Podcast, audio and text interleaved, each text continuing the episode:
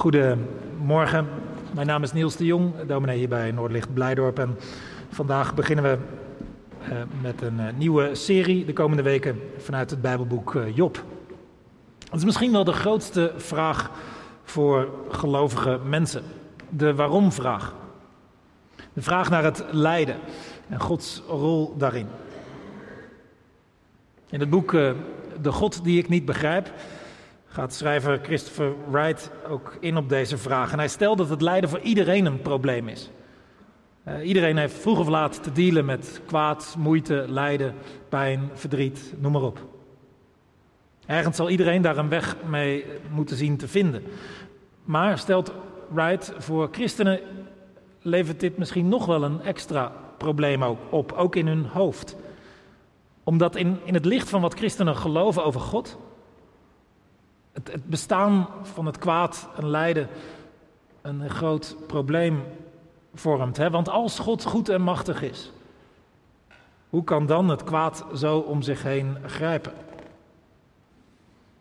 Zoals ik een, bij een andere schrijver uh, las, ik kon het niet meer terugvinden bij wie precies, maar wel eens horen zeggen: het probleem van het lijden is de enige echt moeilijke vraag voor christenen.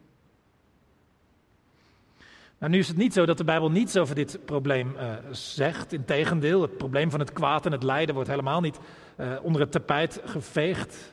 Zeker niet. En er is één groot, lang Bijbelboek dat helemaal over dit probleem gaat. Het Bijbelboek Job. Over die vraag, hoe kan het nou als God goed en machtig is, dat dan het kwaad onschuldige mensen treft? En ook over aanverwante vragen als eh, waarom verbergt zich God dan ook nog eens in tijden van, van, van moeite en, en nood? Want zo lijkt dat dat God wel eens ook weg is, juist als je hem extra nodig hebt. Is, is God dan wel nog wel te vertrouwen als lijden kwaad je overkomt? Wat heb je dan nog aan God? 42 hoofdstukken lang worden die vragen verkend. Soms worden wat antwoorden gegeven, andere antwoorden worden weer stuk geslagen. Maar nog meer dan op andere plekken in de Bijbel wordt het probleem aan zich in al zijn scherpte neergezet. Dat, dat, doet de Bijbel vaker. Die loopt eigenlijk nooit om de lastige dingen van het leven heen. Strijkt ook niks glad. En het Bijbelboek Job al helemaal niet. En het probleem wordt ook niet aan het eind van die 42 hoofdstukken dan soort netjes opgelost of verklaard. Nee. Wel heel eerlijk besproken. En, en zeker onderweg kun je antwoorden vinden, maar misschien nog wel meer vragen ook. In ieder geval worden we, als we goed lezen, er wijzer van. En bewaart het ons voor goedkope en niet al te slimme reacties op kwaad en lijden. Nou, de komende weken lezen we uh, stukjes uit dit Bijbelboek, maar we beginnen bij het, uh, bij het begin. Uh, Job 1 en 2. Het is, het is even een, een, stukje lezen, maar ja, willen we even goed inkomen in dit Bijbelboek, dan, moeten dan, kan het eigenlijk niet om dit begin over te slaan. Dus we lezen uh, een wat langer stuk vandaag, maar dat, uh, dat kunnen wij. Uh, Job 1 tot en met hoofdstuk 2, vers 10. En je kunt meelezen. In het land Us woonde een man die Job heette. Hij was rechtschapen en onberispelijk. Hij had ontzag voor God en meet het kwaad. Job had zeven zonen en drie dochters. Hij bezat 7000 schapen en geiten, 3000 kamelen, 500 span runderen, 500 ezelinnen en een groot aantal slaven en slavinnen. Hij was de aanzienlijkste man van het oosten. Zijn zonen hadden de gewoonte om de beurt een feest te geven. Ieder in zijn eigen huis en nodigde dan hun drie zusters uit om bij hen te komen eten en drinken. En nadat elk van zijn zonen zo'n feest had gegeven, liet Job hen bij zich komen voor een reinigingsritueel. Hij stond dan ochtends vroeg op om voor elk van hen een offer te brengen, want hij dacht bij zichzelf: misschien hebben mijn kinderen wel gezondigd en God in hun hart vervloekt. Job deed dit telkens weer. Op een dag kwamen de hemelbewoners een opwachting maken bij de Heer en ook Satan bevond zich onder hen.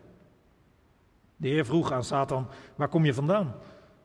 Hij antwoordde: Ik heb rondgezworven en rondgeduld op aarde. De Heer vroeg aan Satan: Heb je ook op mijn dienaar Job gelet?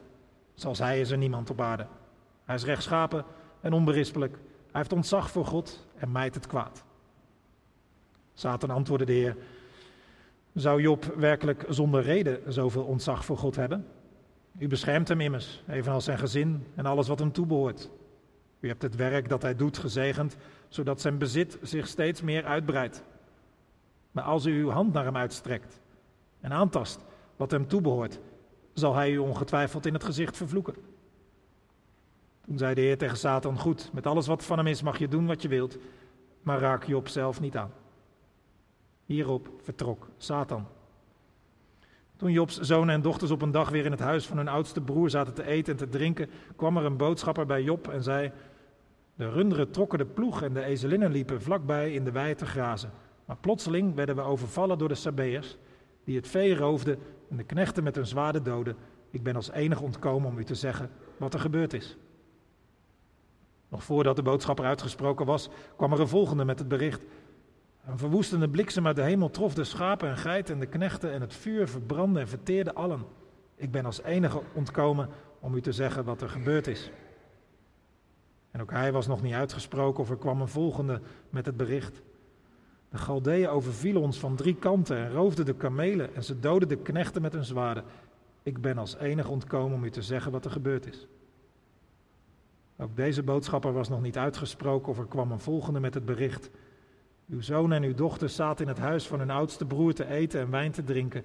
Maar plotseling werd het huis getroffen door een hevige storm uit de woestijn, zodat de vier muren instortten en uw kinderen onder het puin bedolven werden en de dood vonden. Ik ben als enige ontkomen om u te zeggen wat er gebeurd is. En toen stond Job op.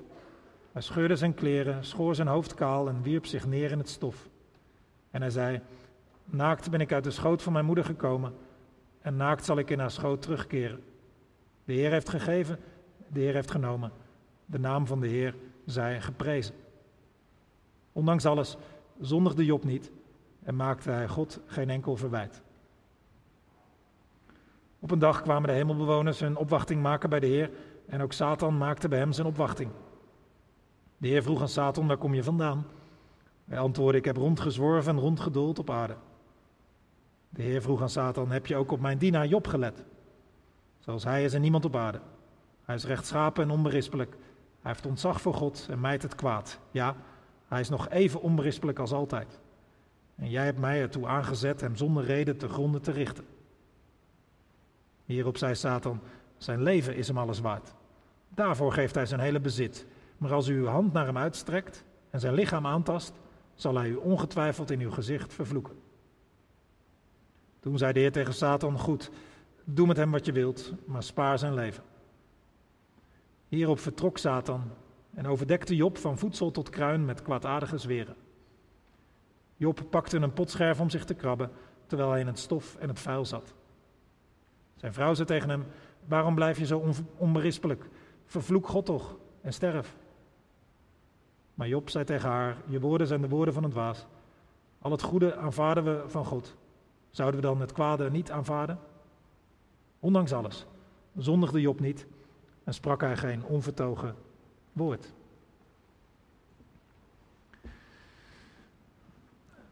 Jordan Peterson is een uh, hoogleraar uh, psychologie um, uit Canada.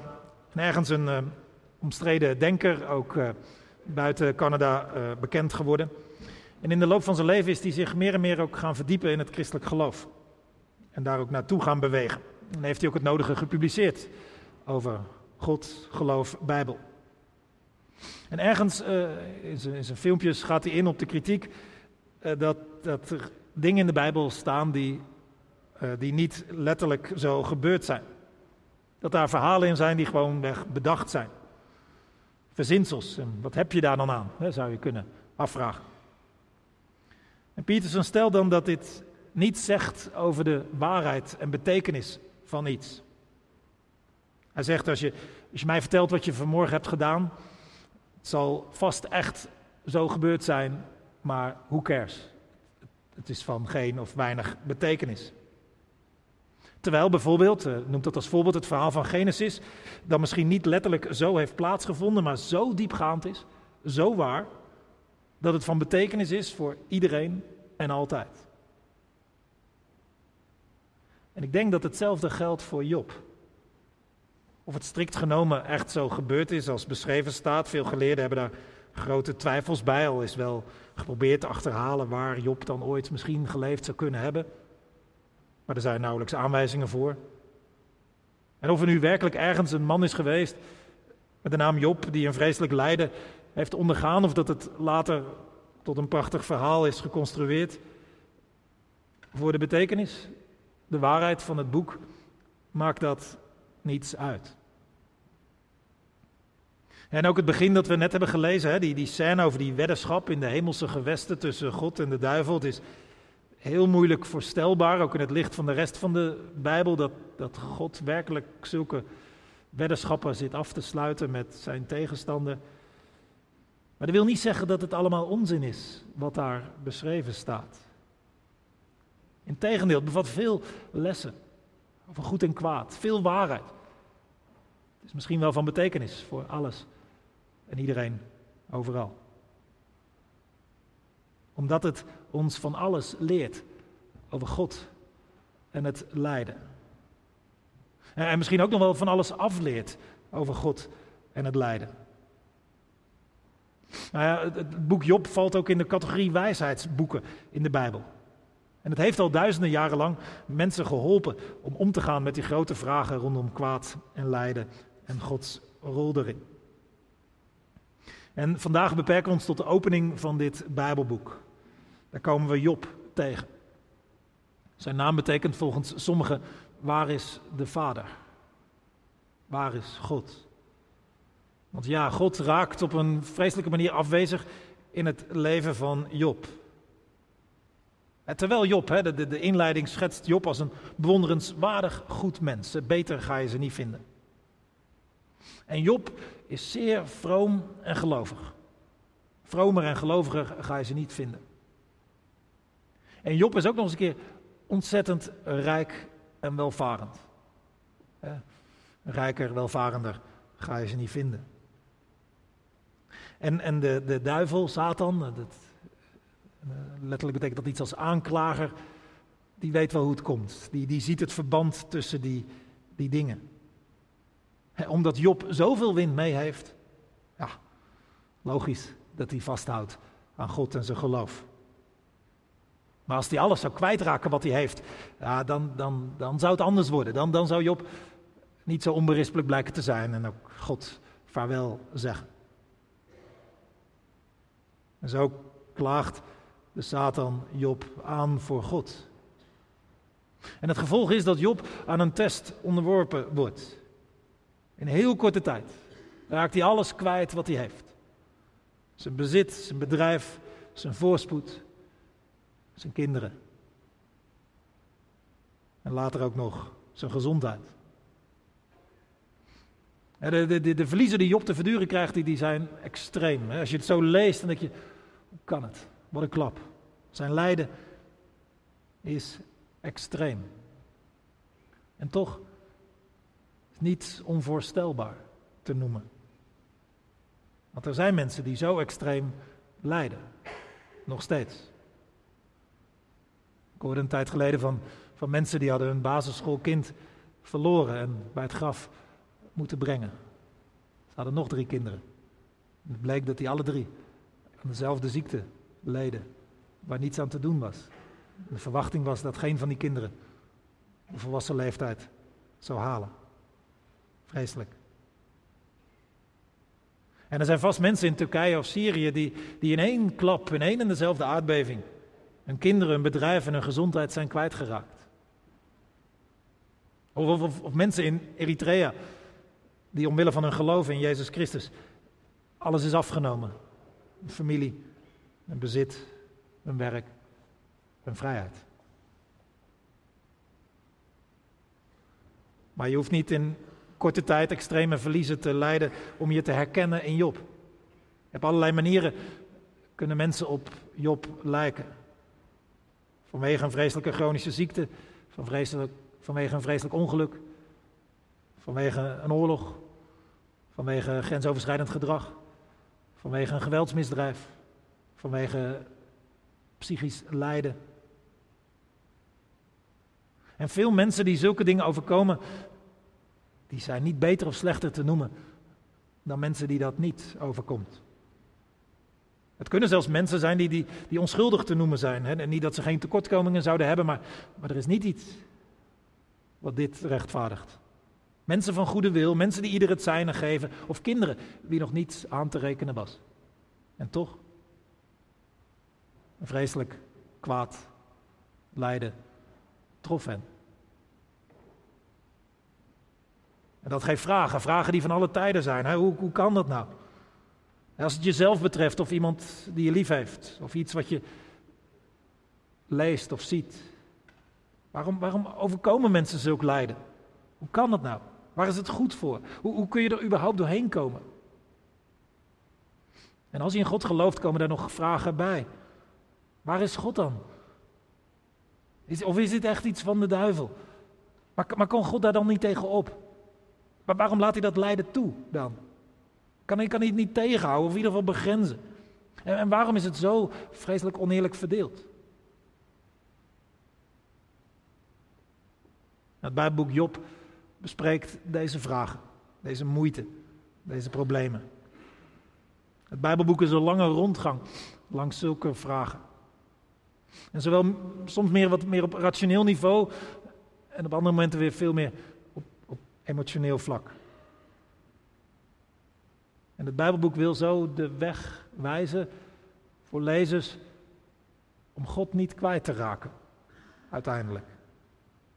Want dat kan natuurlijk zomaar gebeuren, hè, dat je God erdoor kwijtraakt. Het kan trouwens ook gebeuren in situaties van extreme voorspoed. Hè, dat je denkt God niet meer nodig te hebben. Of dat je zo opgaat in de dingen die je hebt, dat je God vergeet.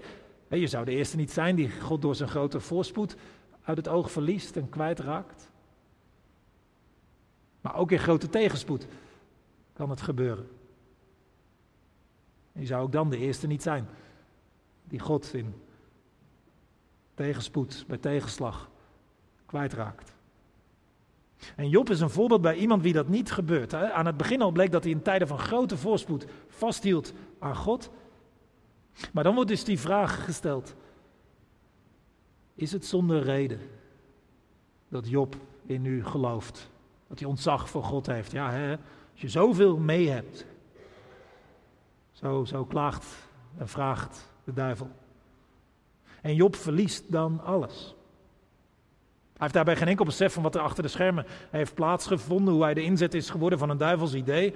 En ook niet uh, van Gods rol erin, dat, dat, dat, dat, weet hij allemaal niet. Hij weet niet eens dat hij getest wordt, als het ware, maar hij reageert bijzonder gelovig. De Heer heeft gegeven, de Heer heeft genomen. De naam van de Heer zij geloofd. Je zou kunnen denken, ja, zo, zo reageert nooit iemand. Dat, dat kan toch niet? Ja, soms wel. Er zijn soms mensen die zo kunnen reageren. In de Tweede Wereldoorlog op 20 november 1941 ging er een bus van Oudekerk aan de IJssel naar Gouda. Het was nogal mistig die ochtend. En de buschauffeur miste een bocht van de dijk en reed het water in. Vijftien mensen stierven, waaronder tien kinderen op weg naar school. In de boerderij daar tegenover, waar het ongeluk plaatsvond, werden de overleden kinderen neergelegd. Er zaten ook kinderen bij van de plaatselijke dominee, dominee Woeldering. Hij werd erbij geroepen en ging naar de boerderij. Tussen de kinderen, tussen de overleden kinderen lagen er drie van hem. 12, 14 en 16 jaar oud, drie jongens. Volgens de overlevering reageerde hij met de woorden uit Job 1. De Heer heeft gegeven, de Heer heeft genomen. De naam van de Heer zij geprezen. Kan blijkbaar. En zo reageert Job ook in, eerste instantie in ieder geval. En er staat bij hem nog bij ook, ondanks alles zondigde Job niet en maakte hij God geen enkel verwijt. Hij had natuurlijk wel kunnen gebeuren. Hè? Dat, het nood leert bidden, zeggen wij wel eens. Maar ja, nood kan ook leren vloeken. Dat je, dat je scheldt en dat je, dat, je, dat je van alles roept. Maar nee, bij Job niet. Geen enkel verwijt naar God toe komt hem over de lippen. En niet alleen in eerste instantie, maar ook in tweede instantie kan dat nog. Hè? Als in hoofdstuk 2 de duivel nog een stap verder gaat. En ook de gezondheid van Job wordt aangetast. Als Job wordt overdekt met vreselijke zweren van zijn voedsel tot zijn, van zijn, voedsel tot zijn kruin toe en hij een potscherf moet pakken om zich tegen de jeuk, om zich te krabben en hij, daar in het stof en het vuil zit. Ze worden dan beschreven, hoe, hoe, hoe, hoe ellendig kun je eraan toe zijn? Dan wordt het de vrouw van Job te veel en ze zegt tegen Job, waarom, waarom leef je nog zo onberispelijk? Vervloek God en sterf. Oftewel, geef het op. Geef het op met God en met je leven. Dit wordt niks meer. Stop er maar mee. Maar Job reageert dan weer als iemand die kan aanvaarden wat hem overkomt. En hij zegt: Al het goede aanvaarden we van God. Zouden we dan het kwade niet aanvaarden? Als het Bijbelboek Job hier zou stoppen, dan zou duidelijk zijn dat dit dus de bedoeling is als je lijden of kwaad overkomt. Dat je berust en aanvaardt wat je overkomt. Je kunt christenen tegenkomen die dat zullen, zullen proberen duidelijk te maken, dat je zo moet reageren op kwaad en ellende. En in andere religies kun je dat ook tegenkomen, dat dat de manier is om met lijden om te gaan. Maar het boek Job eindigt hier niet. En ook op allerlei andere plekken uit de Bijbel blijkt dat je niet alleen zo hoeft of kan reageren. Job kan helemaal niet zo rustig en aanvaardend blijven. In de loop van het boek begint hij te, te vragen en, te klagen, en te schreeuwen en te roepen. En, en hij, hij, roept God ter verantwoording en volgens hem is God hem uitleg verschuldigd. En, en, en noem maar op. Helemaal aan het, aan het eind kan God dan zeggen: Ja, Job, je hebt goed voor mij gesproken. Blijkbaar mocht Job dat allemaal zeggen. Zowel die aanvaarding als die berusting, maar ook dat, dat geklaag en gevraag en geroepen, geschreeuw en dat hij er niet mee eens was en dat hij boos was, die kwaadheid. Het mocht blijkbaar allemaal zijn wat God betreft. Zolang het maar eerlijk en echt is.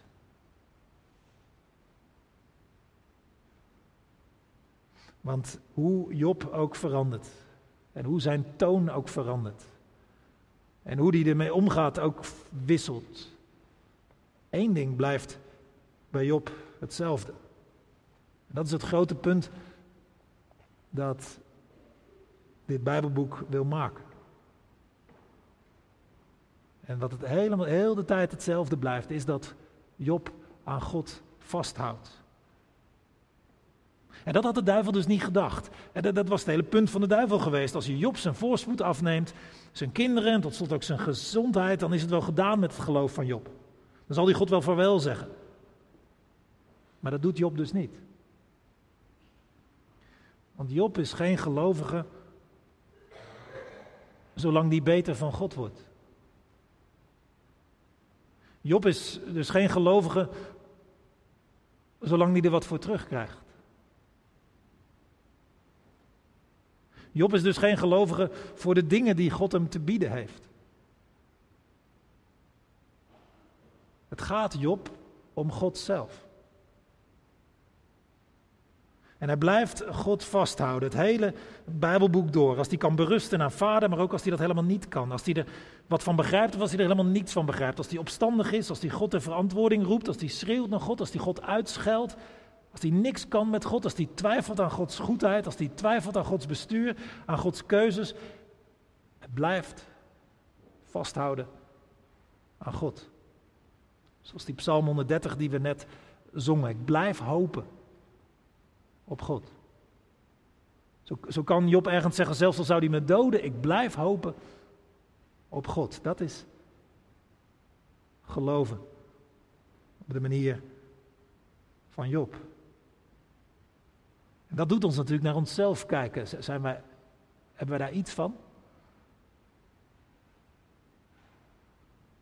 Zijn wij mensen die, die zo geloven dat, dat we God vasthouden in grote voorspoed, maar net zo goed als, als het tegen zit, als we lijden?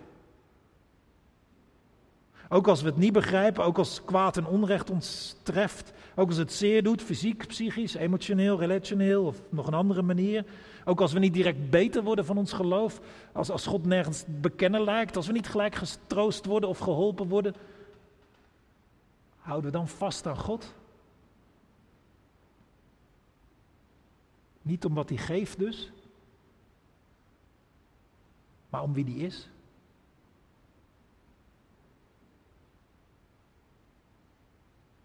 Ik begon met een titel van een boek, De God die ik niet begrijp. Het zou ook de titel boven het Bijbelboek Job kunnen zijn.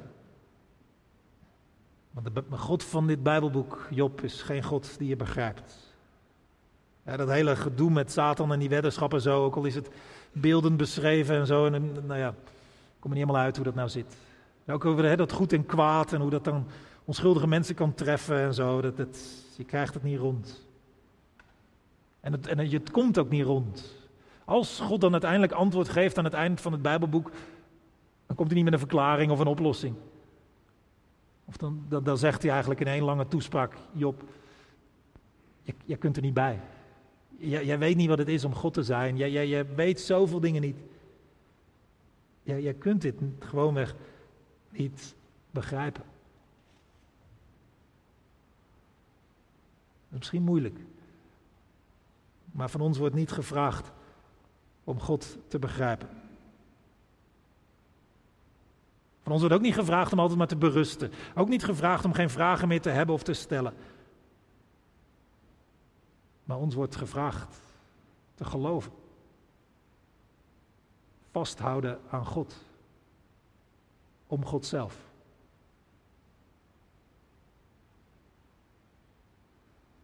Ondanks alles. Wat jou zelf treft. Of wat je bij een ander ziet gebeuren. Toch vasthoudt aan God. Dat is het eerste wat ik, wat ik hoop dat je meeneemt van deze preek van dit hoofdstuk 1 en 2. Geloven is ondanks alles wat je niet begrijpt, vasthouden aan God. Ten slotte nog dit kort, het tweede wat je mee kunt nemen uit dit begin van het Bijbelboek Job. als je zit met het lijden, met de waarom-vragen, en als je dingen niet rondkrijgt, dan, dan kan dit Bijbelboekje helpen omdat het je doet denken aan die andere persoon die zo ontzettend veel te lijden had in de Bijbel, de hoofdpersoon van de Bijbel, Jezus Christus. Nog meer dan Job was die onschuldig. En toch trof het kwaad hem. Ook met hem werden spelletjes gespeeld. Ook hij was de inzet van, van iets groots. Hij raakte ook alles kwijt. Zijn vrienden, zijn familie, zijn bezit, zijn status, zijn gezondheid zijn kleding, zijn naam, alles. Ook de aanwezigheid van God was weg. En, soms kon Jezus berusten en, en dan kon hij zeggen, niet mijn wil, maar uw wil geschieden. Maar even kon hij schreeuwen, waarom God, waarom hebt u mij verlaten? zijn leven werd niet gespaard. Hij stierf aan het kruis naakt en alleen, met lege handen. Het is niet zoals je dat leest of daarin gelooft dat je dan precies wel begrijpt hoe het zit met God en het lijden. Het zegt dus wel dat God weet wat het is om te lijden. Hij die in Jezus naar deze wereld kwam, weet wat het is om kwaad en lijden te ondergaan. En in Jezus zien we dat, dat God niet ver weg en hoog blijft, maar dat hij er middenin gekomen is. Omdat hij zo betrokken is bij ons, omdat hij om ons geeft. En aan het eind van het Bijbelboek zou je kunnen zeggen, komt God alsnog met een, met een woord. En aan het eind van Jezus' verhaal komt God ook, omdat hij hem opwekt uit de dood, wat we vieren met Pasen. En je kunt doordenken, aan het eind van de tijd komt God alsnog. Om alles recht te zetten, te helen, te genezen, te vernieuwen. En daarom, hou vast aan God. Lang niet alles onderweg zal je duidelijk worden. Maar ooit komt God je tegemoet. En hij zal er voor je zijn. Amen. Laten we luisteren naar het lied dat volgt, Even If.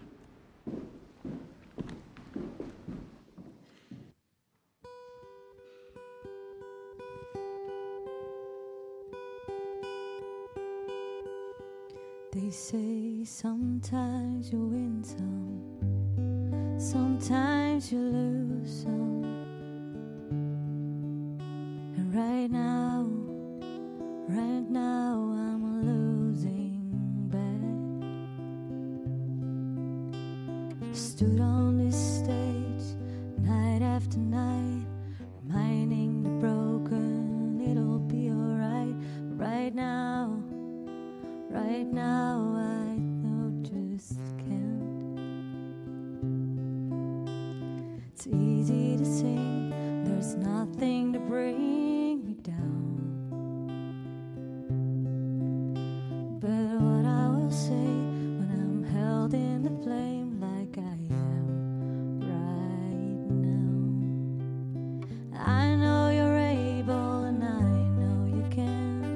Say through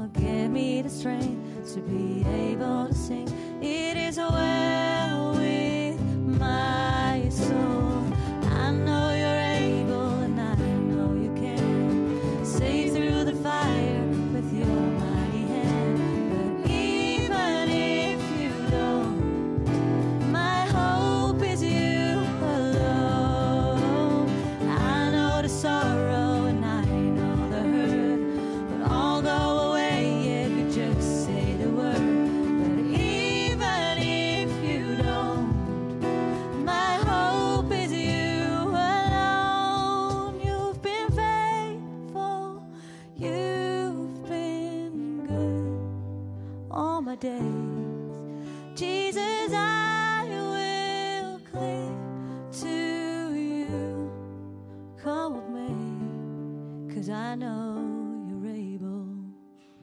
I know you.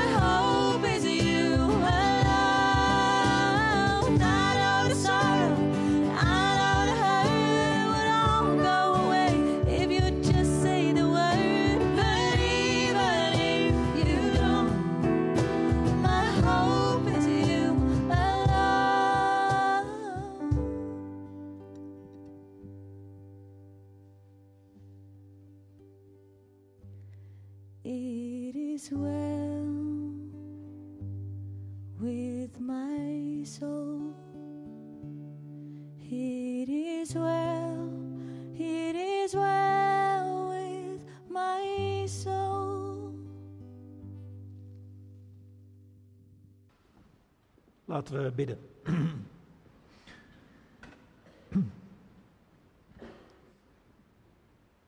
Heere God, geloven valt niet altijd mee.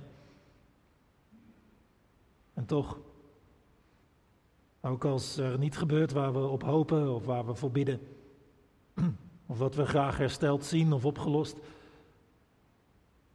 dan willen we aan u vasthouden. Op u blijven hopen in uw geloven. Help ons daarbij om dat te doen en te blijven doen. Bij meewind en tegenwind. Bij grote voorspoed en grote tegenspoed. Als we zelf lijden of een ander zien lijden. Help ons om op u te blijven hopen. En dat het ons gaat om uzelf. Dat we ook gezien hebben in de Heer Jezus Christus dat u klopt dat u goed bent. Dat u lief heeft. En dat u ons tegemoet komt. Wij bidden u voor, voor hen onder ons die, die zo goed weten wat lijden is en pijn is. Wilt u hen helpen? Tegemoet komen. Een woord geven. u zelf geven. Om het vol te houden. Om door te gaan. Wil u bidden voor hen onder ons die, die wel zo'n Job kennen. In hun nabije omgeving misschien wel. Wilt u ons dan helpen om, om daar, daarmee uit te houden? Er daarvoor te zijn? Een hand vast te houden? Of iets dergelijks. Wij bidden u voor de Job-figuren in deze stad die, die er zijn. Ontfermt u zich over hen. Als ze u kennen, dat ze op u mogen blijven hopen. En als u niet kennen, dat op de een of andere manier ze bij u terecht mogen komen. En weten dat u er bent, ook voor hen. Wij bidden nu voor al die dingen die we niet rondkrijgen, die we moeilijk vinden, waar we vragen bij hebben.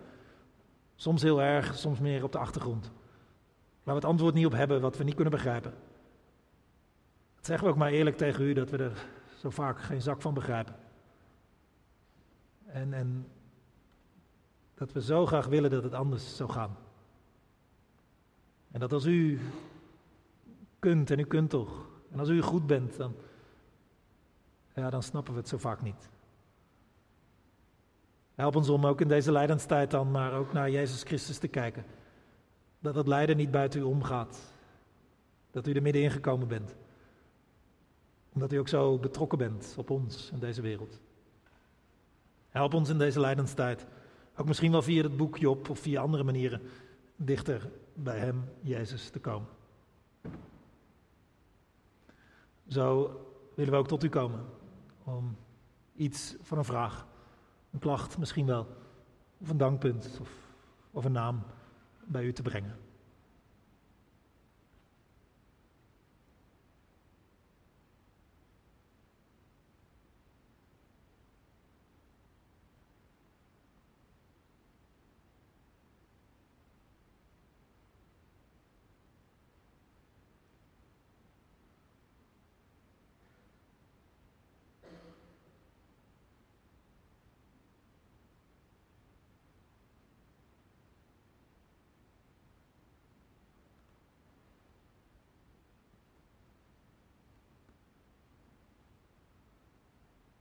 Hoor ze ons bidden en danken in de naam van Jezus Christus. Amen.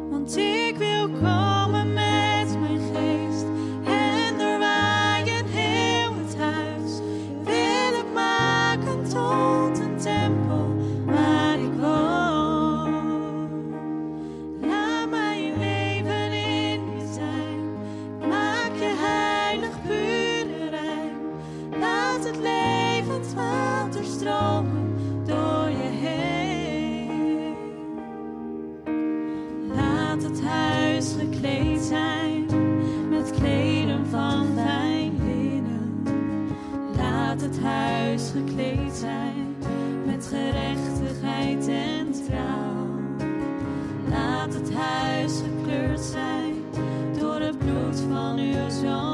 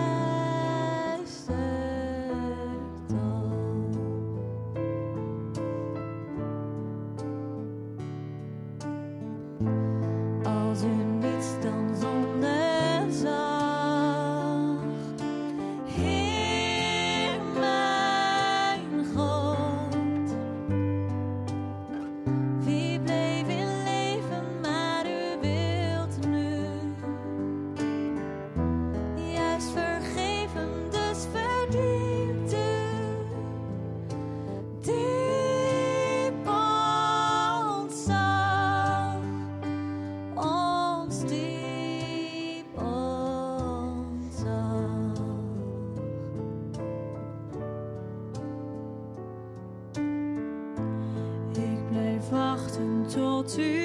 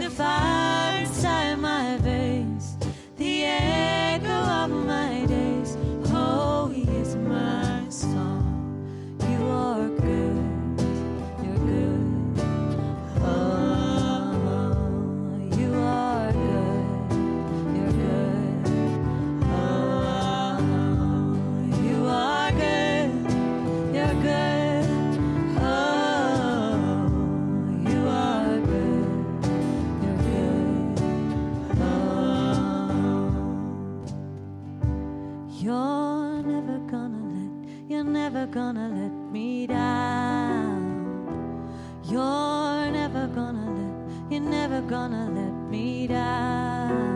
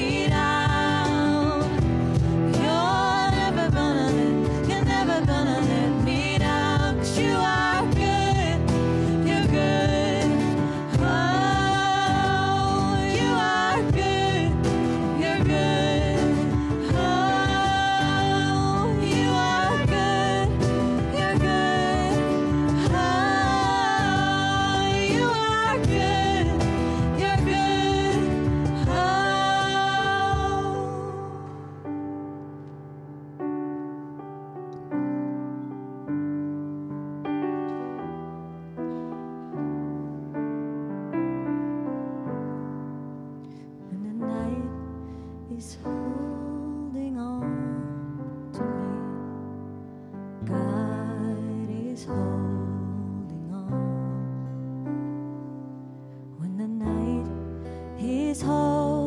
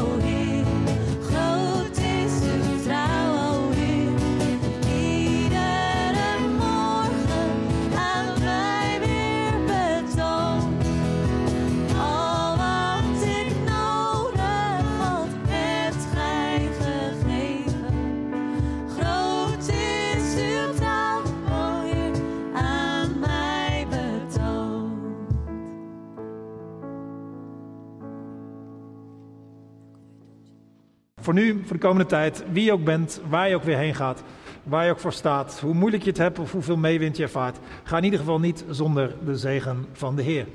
De Heer zei voor je om je de weg te wijzen. De Heer zei naast je om met je mee te gaan van stap tot stap. De Heer zei onder je om je op te vangen als je struikelt, rondom je om je te beschermen tegen de boze, in je om je te troosten en boven je om je te zegenen. En zo zegene de Heer vandaag, morgen en voor altijd. Amen.